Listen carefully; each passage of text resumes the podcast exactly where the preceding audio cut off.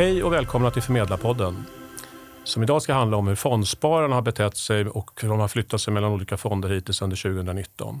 Det är en period när börsen har stigit väldigt kraftigt trots att oron ökar kring vad som egentligen hur det egentligen går med konjunkturen. Vi ska också försöka ge lite vägledning kring vart ekonomi och börser är på väg under resten av året. Jag heter Mats Wester och är ansvarig för den förmedlade livaffären i Länsförsäkringar. Och de som ska stå för klokskapen här det är Alexandra Stråberg som är chefekonom på Länsförsäkringar och Edvard Jögi som är ansvarig för fondutbudet. Välkomna! Tack så mycket. Tackar. Mm.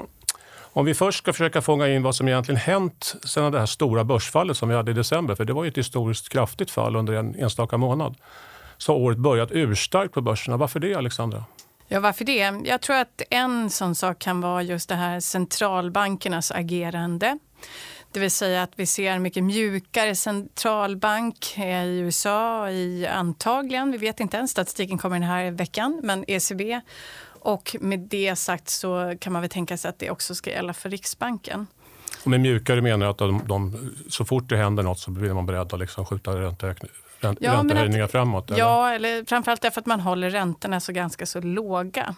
Ett annat skäl tror jag att eh, det här hotet om en handelskonflikt runt om i världen har liksom eh, tonat ner sig. Därför att det ser ut som att USA och Kina kommer att komma överens. Och det tror jag är en sån sak som har skapat oro tidigare. Är du förvånad över att börsen har gått så stark? Ja, men både och, tycker jag. Alltså, tittar man på de rapporter som har kommit ut från till exempel eh, stora delar av industriföretagen så ser det starkt ut. Eh, och samtidigt så sitter jag ju och tittar på en annan typ av statistik som makrostatistiken och den går väl liksom lite åt båda hållen. Eh, så att lite förvånad måste jag säga att jag är. Mm. Lite förvånad. Mm. Mm. mm. Okej. Okay. Edvard, eh, om vi då tittar på hur spararna betett sig så sökte sig många från aktier till lite tryggare räntefonder i slutet av förra året när det här börsfallet tog fart. Eh, vad har hänt hittills i år? Ja, man kan ju säga i korthet att eh, det här är raka motsatsen då av förklarliga skäl kanske. Men vi har ju sett den här eh, kraftiga uppgången eh, och eh, även i spararnas beteende ser vi då att om man sökte tryggare placeringar under slutet av året så har man fångat upp den här trenden, åtminstone den, den del av spararkollektivet som, eh, som är aktivt och eh, eh, försökt omplacera, lämnat korta ränteplaceringar och eh, gått in i olika typer av aktieexponeringar. Vad är det för aktiemarknader som har varit mest intressanta? Ja, det är en blandning. Det är både breda globalfonder, det är branschfonder, det finns fastighet kan man nämna, teknologi en annan, eh, Latinamerika och, och en blandning av olika delar som har, som har fångats. Eh, men rent generellt om man tittar på avkastningsnivåerna som har varit här från eh, 1 januari till eh, sista mars så är det ju eh, många fondkategorier som ligger antingen eh, direkt under 20% upp hittills i år och eh, några som är nosar på 30% Så att Eh, nästan oavsett eh, vilken trend, om man nu har valt att gå in i aktiemarknaden så har man fått en, en ganska bra utveckling då hittills. Mm. Och vad är det man lämnar då istället?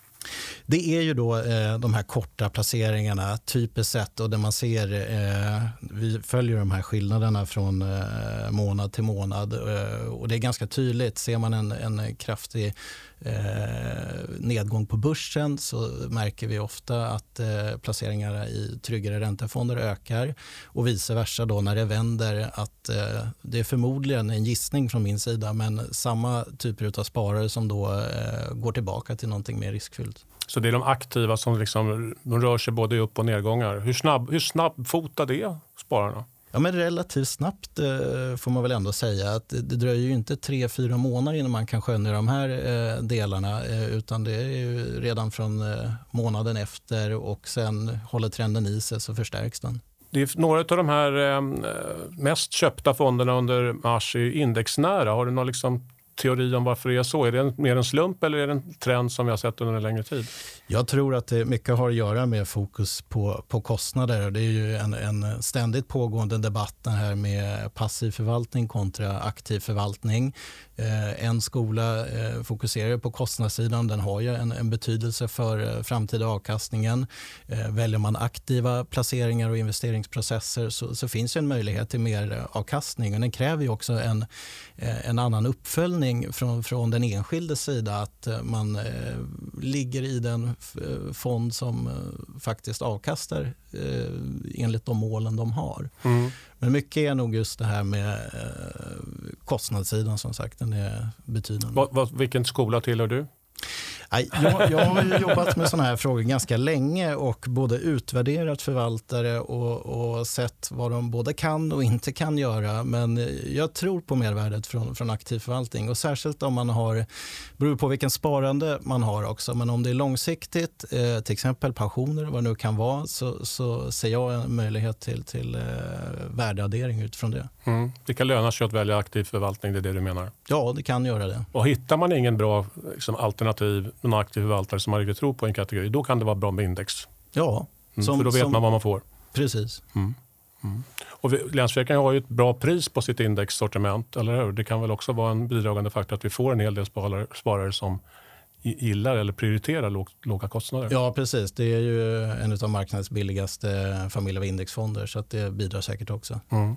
Hur är det med aktiviteten annars? Har det varit högre aktivitet de senaste månaderna än normalt eller lägre aktivitet? Eller? Jag skulle säga att det har varit lite högre och eh, sannolikt då kopplat till de här stora svängningarna vi har sett. Eh, är det lite mer eh, normal utveckling, lite sidledes så finns det såklart aktivitet men eh, den förstärks när eh, det kommer såna här kraftiga svängningar både eh, åt det negativa hållet och, och åt det här positiva hållet som vi har sett nu under inledningen av 2019 man rör på sig lite mer när det blir lite oroliga ja, tider. Mm. Delar, delar av vad vi kan se i alla fall i, i, i vårt underlag, det är ju inte 100% som följer marknaden så här nära, men eh, de som eh, följer det tenderar också att eh, vara aktiva i det de observerar och ser. Mm. Om man tittar på män och kvinnor, är det män eller kvinnor som är mest aktiva?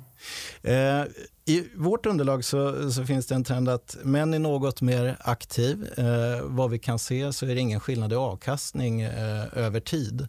Så det är inte säkert att den där aktiviteten egentligen lönar sig så jättemycket? Nej, det är ju inte det. Det, det, det, får man väl vänta och se. Det, ska ju, det tar ju lite tid innan man ser resultatet av det där. Och hade man haft gåvan att förutspå vad marknaden skulle gå så skulle det såklart vara väldigt lönsamt att vara aktiv. Men det, det är ganska är, få förunnat tror jag? Eller? Det är ganska få förunnat. Eller vad säger du Alexander? Är det ja, ja, det känns inte. Men det känns ju som en viktig faktor där att, att om, liksom just, om man vinner eller förlorar på den typen av beteende. Mm. Vi vet inte hur det sett ut över tid. Jag tänker mellan män och kvinnor. Nej, precis. Så att, uh, det är lite höljt i dunkel där. Mm. För många kanske det också är en hobby det här att byta fonder och då, ja, då kanske så... det också får kosta lite i form av lite lägre avkastning. Eller för hobbys brukar det kosta lite. Säkert. Man måste ju vara intresserad för att, att eh, följa marknaderna och eh, fatta beslut. Ja. Och det kan ju vara liksom både i större sparkapital, lite mindre sparkapital. Så att det, det är nog en blandning av allt möjligt. Mm. Mm. Om vi blickar framåt och så verkar det som de här aktiva, de som är aktiva med byten, de verkar tro att, aktie, att uppgången ska fortsätta eftersom de söker sig i allt större utsträckning till de här lite mer högriskfonderna. Tror du att de har rätt, Alexandra? Ehm, jag tycker att de verkar ganska modiga, eller hur ska jag uttrycka det. Eh, det är lite klurigt eh, såklart.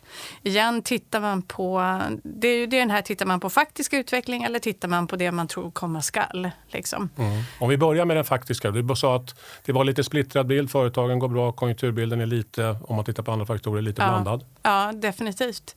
Alltså tittar man, jag menar, på samma sätt som vi pratade tidigare varför börserna går upp nu, samma faktum kvarstår ju. Vi har ju låga räntor. räntor. Vi tror egentligen inte att att eh, man kommer våga öka dem. Eh, handelskonflikten verkar som sagt att lösa sig. Vi tror inte att det kommer bli någon upplåsning av det. Eh, men det är svårt att kunna gardera sig inför någon typ av annan händelse som sker. För det brukar vara det som kastar om. Och det är saker som man inte vet i förväg såklart. Nej. Eh, men tittar man på konjunkturen så är den lite tveksam skulle jag säga i de olika delarna. Men det finns ett skäl till varför Fed inte har valt att höja räntan. Och det är ju på grund av att man ser osäkerhet liksom, med mm. det som påverkar Kina och det som händer i Europa. Det är Vad är det du tänker på när du säger Europa? Där, vad som händer i Europa? Ja, det är ju tyvärr faktiskt, det, det, är väl det som jag tittar mest på just nu. Det är ju att Europa drivs ju framförallt av några av de här riktigt starka ekonomierna. Frankrike går bra, men ett land som inte går bra, det är Tyskland. Och det är stökigt. Europas motor. Ja men exakt, mm. bara där har ju liksom hela Centraleuropa är ju liksom beroende av det som händer i Tyskland. Tyskland går inte bra, det kommer inte någon trevlig statistik. Utan den här bilden liksom förstärks. Så att den avmattning som vi ser i andra delar av världen och i den globala ekonomin, den är väl fine. Sådär. Men det vi ser i Tyskland, det är ju en risk att det går lägre än så. Mm. Och då blir det stökigt. Och särskilt nu för EU i den liksom period som man går in i nu. Med ganska turbulent, vi behöver ett stabilt EU. Där har Tyskland varit superviktiga. Mm. Mm. Och ett EU-val runt hörnet. Ja, men exakt, och där mm. har vi massa andra då, nya stjärnor som vill försöka ge in och just den här ökade nationalismen när man då hellre istället för ett enat Europa vill se ganska stor nationalistisk liksom, eh, bestämmande makt, att den ökar inom mm. EU. Mm. Och det kan ju, mm. ökar ju risken att vi får ett, eller risken, men det, sannolikt får vi ett större inslag av representanter i, i EU som kanske inte gillar EU så mycket. Nej. Och det, är, det är ju, det blir upplagt ja. för spänningar såklart. Ja, men exakt. Och där är det så att nu har vi, menar, vi har ju den här Brexit. Liksom. Mm. Eh, och de kommer straffas för sig. Jag tror att det kommer bli en Brexit. Jag tror att det kommer bli en soft Brexit. Det är en usel idé, men det kommer bli. Liksom. eh, och då tror jag att då måste ju Storbritannien liksom straffas för detta. Eh, man måste straffa dem lagom. Det ska mm. göra ont. För att vi vill inte att fler ska lämna EU. Men man vill fortfarande vara kompisar efteråt. Det är ungefär, mm. ungefär mm. där det är. Liksom. Men så finns det ju ganska starka länder som tycker att man ska öka eh, liksom det självständiga Eh, som, du har ju Ungern och deras bästa kompisar i Polen, mm. en del av de andra centraleuropeiska. Och där har ju liksom Tyskland varit sammankallande mm. på något sätt. En, liksom EUs eh, motor och moder får man väl nästan säga. Mm. Och hur ser det ut i Sverige då kontra omvärlden? Ja. Åker vi med på Europatåget fast ja. med svagare valuta?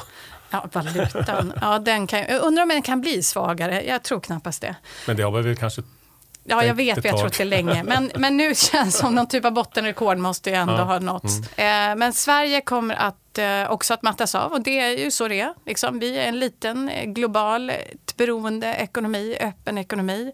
Det mattas av. Det är mm. framförallt på grund av bygginvesteringar och offentlig konsumtion och till del privat konsumtion också.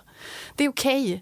Vi kommer mattas av. Jag säger mattas av, jag säger inte gå in i lågkonjunktur. Där ja. säger mattas av. Det är en viktig distinktion kan jag tycka. Mm. Och det här är så det fungerar. Det går upp och så går det ner. Det är väl någonting som vi kan säga i alla fall om konjunkturen. Absolut, men är det ja. inte ofta så man säger i början av det som ska komma att bli en lågkonjunktur att man inte kommer att gå in i en riktig recession? Ja, det, eller lågkonjunktur? den, jag tycker det, jag känner igen det. Det är liksom det spännande, det är den här äh, spå, vad säger man, inte kristallkulan. bollen, kristallkulan ja. som man vill kunna titta i. Det är alltid jättesvårt att eh, avgöra de här vändningarna. Mm. Men vad som talar för Sverige, det är det jag tänker att man inte ska gå med och gå på det här mediala logiken att nu går det bra eller nu går det dåligt. Det är oftast både och. Det som i Sverige är jättestarkt, det är arbetsmarknaden. Mm. Och det är en så här fundament. Så länge arbetsmarknaden är stark, då har folk jobb, då kan de konsumera, de köper saker, de mår ganska bra. Så länge vi har liksom arbetsmarknaden mm. eh, så tror jag att det, att det finns mycket fundament som gör att vi inte hamnar i den här lågkonjunkturen. Så att det finns både saker som pekar mm. uppåt mm. och pekar lite neråt. Om vi tittar på räntorna, och du säger att de är, man kommer inte att trycka upp räntorna. Finns det någon risk att att vi ändå får en, någon, någon, form av räntechock. Finns det någonting i, världs, i världen som talar för det? Eller är det låga räntor som, så här låga räntor som gäller de närmaste tre, fyra åren också? Ja, det är ju intressant det här med räntorna. Mm. Eh, folk har ju vant sig vid dem. Liksom, så även en liten förändring tror jag kan få stor effekt. Man har liksom glömt hur det såg ut på 90-talet och allting annat. Eh, men eh, jag menar, diskussionen pågår. I USA så börjar man fundera, där har, liksom, eh, där har man ju börjat prata kring om man till och med ska sänka räntan nu istället för att liksom inte komma in i någon typ av, typ av avmattning utan liksom ge goda signaler till marknaden. I Sverige är det så att vi har inte alltid följt efter liksom det som ECB har gjort och Federal Reserve har gjort. Men det är ganska svårt när vi tittar på samma beslutsunderlag på något sätt mm. allihopa och ta ett annat beslut. Men det är ju inte perfekt skulle jag säga att vi har en minusränta när vi går in i en avmattning. Så jag tror att Riksbanken egentligen är rätt så sugna på att höja lite, alltså komma upp mm. där över noll eller vid noll. Räknar, räknar du med att de gör det? Inte i år, Nej. det gör jag inte. Kanske nästa år, men jag tror att de vill. Jag tror att de vill göra detta helt enkelt därför att vi kommer in i en avmattning och då vill man inte ha en negativ ränta. Men jag tror att de kommer få svårt att göra det med tanke på hur det ser ut i världen och vad de andra bankerna har och gjort. Och hur det ser ut med inflationen, för inflationen tar ju inte riktig fart. Eller, Nej. eller riktig fart, men den, den halkar ju liksom direkt ner från två och en bit under. Ja, men exakt. Och den är väl på, på 1,7 mm. eller någonting. Jag tror att det kommer inflationssiffror också den här veckan. Mm. Så det är inte heller sådär uh, topp. Nej. Det temat är också rätt intressant om man tänker på spararbeteende och placering i, i säkrare tillgångar. Men för ett antal år sedan så var räntor överlag, får man väl ändå säga, en, en trygg placering. Oavsett om du valde en kort räntefond eller en fond med duration och lite längre löptider givet att vi hade en räntenivå som kunde sjunka neråt. Och nu är det som du säger eh, lite otydligt där. Kommer det någonting och när kommer det? Och beroende på vad man söker då som placerare så ska man nog eh, tänka igenom också vilken typ av ränteexponering man tar. Finns det durationsrisk där och räntorna sticker uppåt, ja då blir det en, en negativ avkastning i de mm. mm. Eh, fallen. Är det något man ska ha tycker du? En lång räntefond? Och, ja, det lämnar jag med, med varm hand över till Edvard att avgöra och ge, ge tips om. faktiskt. Ja, men det, det, det är faktiskt eh, eh någonting sen, eh, egentligen sen finanskrisens början och eh, de här räntenivåerna vi har sett eh, hur länge som helst, får man nästan säga. Mm. Eh, det, det, skapar ju ett, eh, en annan utmaning för alla som är, är aktiva inom sparande och placering när det gäller ränteexponering. Eh, det, det, finns risk i olika typer av placeringar där också när det är kanske just trygghet man söker. Mm. Inte minst för alla som sö- alltså, förvaltar pensionskapital, att försöka hitta mm. avkastning mm. på pengarna. Det är mm. klart att det blir väl lätt så att mycket söker sig till börsen för det mm. finns inte så mm. mycket annat, ingen annan avkastning att hämta. Ja. Nej, men exakt. Vilka marknader då tror du mest på, Alexander? Är det några speciella regioner som sticker sig bättre ut än andra? I världen. I världen. eh, alltså man kan ju titta på liksom, länder som är på väg upp och länder som är på ner. Om man tittar på någon typ mm. av... Nu sitter jag här och målar med handen, vilket är perfekt ja, när man liksom pratar i en podd. Mm. Mm. Eh, men i alla fall, man pratar om upp och ner. Eh, liksom, är ett land på väg upp i konjunkturcykeln är på väg ner i konjunkturcykeln. Och det finns ju kanske några länder som, ja, som några av de här emergent markets, som Brasilien till exempel, det ser ju ganska starkt ut. Man har en ny regering oavsett vad man tycker om den, men så ser det ut som att man är på väg uppåt i alla fall. Och sen så finns det andra marknader som man ser liksom är på väg neråt och det är ju Europa som jag redan pratat om. Eh, eh, Sverige, vi kan se liksom, eh, USA no kommer mattas av något, men det betyder ju också att sen kommer de ta fart igen. Mm. Det känns att de etablerade marknaderna ja. Kanske har pikat lite grann och de som inte är så etablerade, tillväxtmarknader på väg lite, de ligger lite efter i cykeln eller? Ja, men lite så. Mm. Lite generellt Fast så. inte Kina kanske då eller? Nej, men alltså, Kina det är så roligt för pratar man om Kina då är det alltid sådär, alla är jätteoroliga för Kina och Federal Reserve hade det i sitt protokoll och industriföretagen när de kommer med sina börsrapporter då är det alltid Kina man pratar om och sådär. Och då är man ju oerhört observant på detta och då får man ju media låter ju nästan som att du vet, åh nu faller Kina, nu är det liksom fara och färde. Mm. Mm. Och så tittar man på siffrorna, oj de gick från 6,3 eller 6,6 6 till 6,3. Det är inte jätte... I, tillväxt menar du då? Ja, mm, mm. det är inte jättestora förändringar. Och nu kom det faktiskt väldigt starka inköpschefsstatistik eh, eh, ifrån Kina. Så det ser starkt ut, mm. skulle jag säga. Mm. Eh, trots allt. Men det blir en lite splittrad bild. Samtidigt som du är lite orolig för konjunkturen, inte tvärsäker på att den liksom, som, det blir en avmattning. Ja. Ändå så känns det som att man ska ut på risk, liksom risk grenen lite grann och satsa lite mer på tillväxtmarknader istället för etablerade marknader. Är det en rätt slutsats? Eller? jag säger bara hur det går konjunkturellt. Ja, eh, nej men det, och det är alltid det här. Jag tror att det mm. handlar om det, oavsett vad vi pratar om, det handlar om att ha liksom en diversifierad bild på saker och ting. Det är ju ingenting som är svart eller vitt, gör det här eller gör det. Nej. Utan det handlar om att väga de här riskerna mot varandra. Mm. Eh, och sen så tror jag att hela tiden, det är en dynamisk värld vi, vi liksom står i. Och sen kan jag sitta här och prata om konjunktur och de är på väg upp och det är på väg ner. Och sen kan vad tusan som helst hända ändå, mm, mm. som en extern chock liksom, mm. som slänger allt åt sidan. Mm. Jag instämmer. Eh, och om man tittar det här första kvartalet, så det mesta har gått bra. Men eh, precis som du säger, en diversifierad portfölj och kanske lite koll på vad det är som bidrar. Om man tänker eh, kvartalet det första i år. Eh, USA har gått starkt och där är ju framförallt mycket dollar eh, mm. för en mm. eh, investerare i svenska kronor som har gett en bra skjuts. Eh, och den värderingen är väl också på eh, historiskt höga nivåer. Mm. Klart var det tar vägen, men i mm. alla fall. Det, det är ju en sån faktor som då man har haft en USA-exponering som har bidragit ganska mycket. Mm. Mm. Då har vi pratat lite grann om eh, vad ni tror om framtiden och vi har pratat lite grann om hur aktiva fondsparare beter sig. Hur aktiva är ni själva med era sparpengar? Vill du börja? ja, då är jag en typisk kvinna då i det här mm. fallet. Nej, Nej men jag, jag, ehm, Jag försöker att inte dras med helt enkelt i det här så mycket utan tänker långsiktigt och försöka liksom, precis som när jag tittar på en marknad så tittar jag även på mina placeringar. Vad finns det för underliggande faktorer? Vad är drivkrafterna här? Liksom, vad är det som ser starkt ut och som inte ändras liksom, på sekunden? Så jag, med det sagt då så förstår ni att jag inte ändrar så himla mycket. Nej. Så jag är inte än så aktiv utan, utan det tar tid. Man blir lite nyfiken då på vad det är för någonting som är, vad är det för någonting du har identifierat. Men är det så att du har, du har mer aktier, är det liksom det som du ser en långsiktig potential i? Eller vad? Eller är det mer ehm, specifikt än så? Nej, alltså jag har, diversifierat är också ja. ett annat, så jag har på olika ställen. Ja. har jag faktiskt. Mm. Därför att eh, jag är inte så himla riskbenägen på det. Jag vågar inte tro på allt, utan jag försöker att gardera mig mm. helt enkelt. Ja. ja.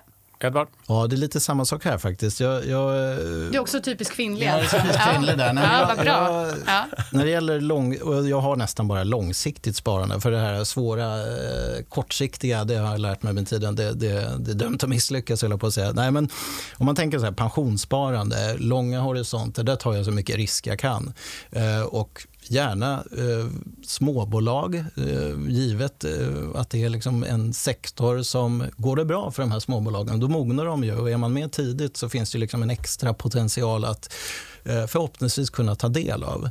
Eh, och där brukar jag vara ganska långsiktig. Jag, jag, jag hittar någonting som jag tror på. Eh, jag följer det inte slaviskt varje dag men försöker hänga med i alla fall och se om det finns någon skäl att byta förvaltning. Men exponeringen håller jag fast vid. Mm. Sen så tycker jag också man, man får komma ihåg att man har en sån himla makt. Alltså alla konsumenterna tillsammans och alla pengar som placeras på olika håll liksom att man kan ju faktiskt eh, placera dem på ett sätt som, eh, som styr utvecklingen. Jag tänker på den här ökade intresset för hållbarhet till exempel. Kan det använda sitt, sin, sin ekonomiska makt som man kan Ja men exakt har. och mm. både investera liksom i rätt typ av företag man tycker utifrån sig själv men också i ny teknik som carbtech eller cleantech eller vad det än må vara.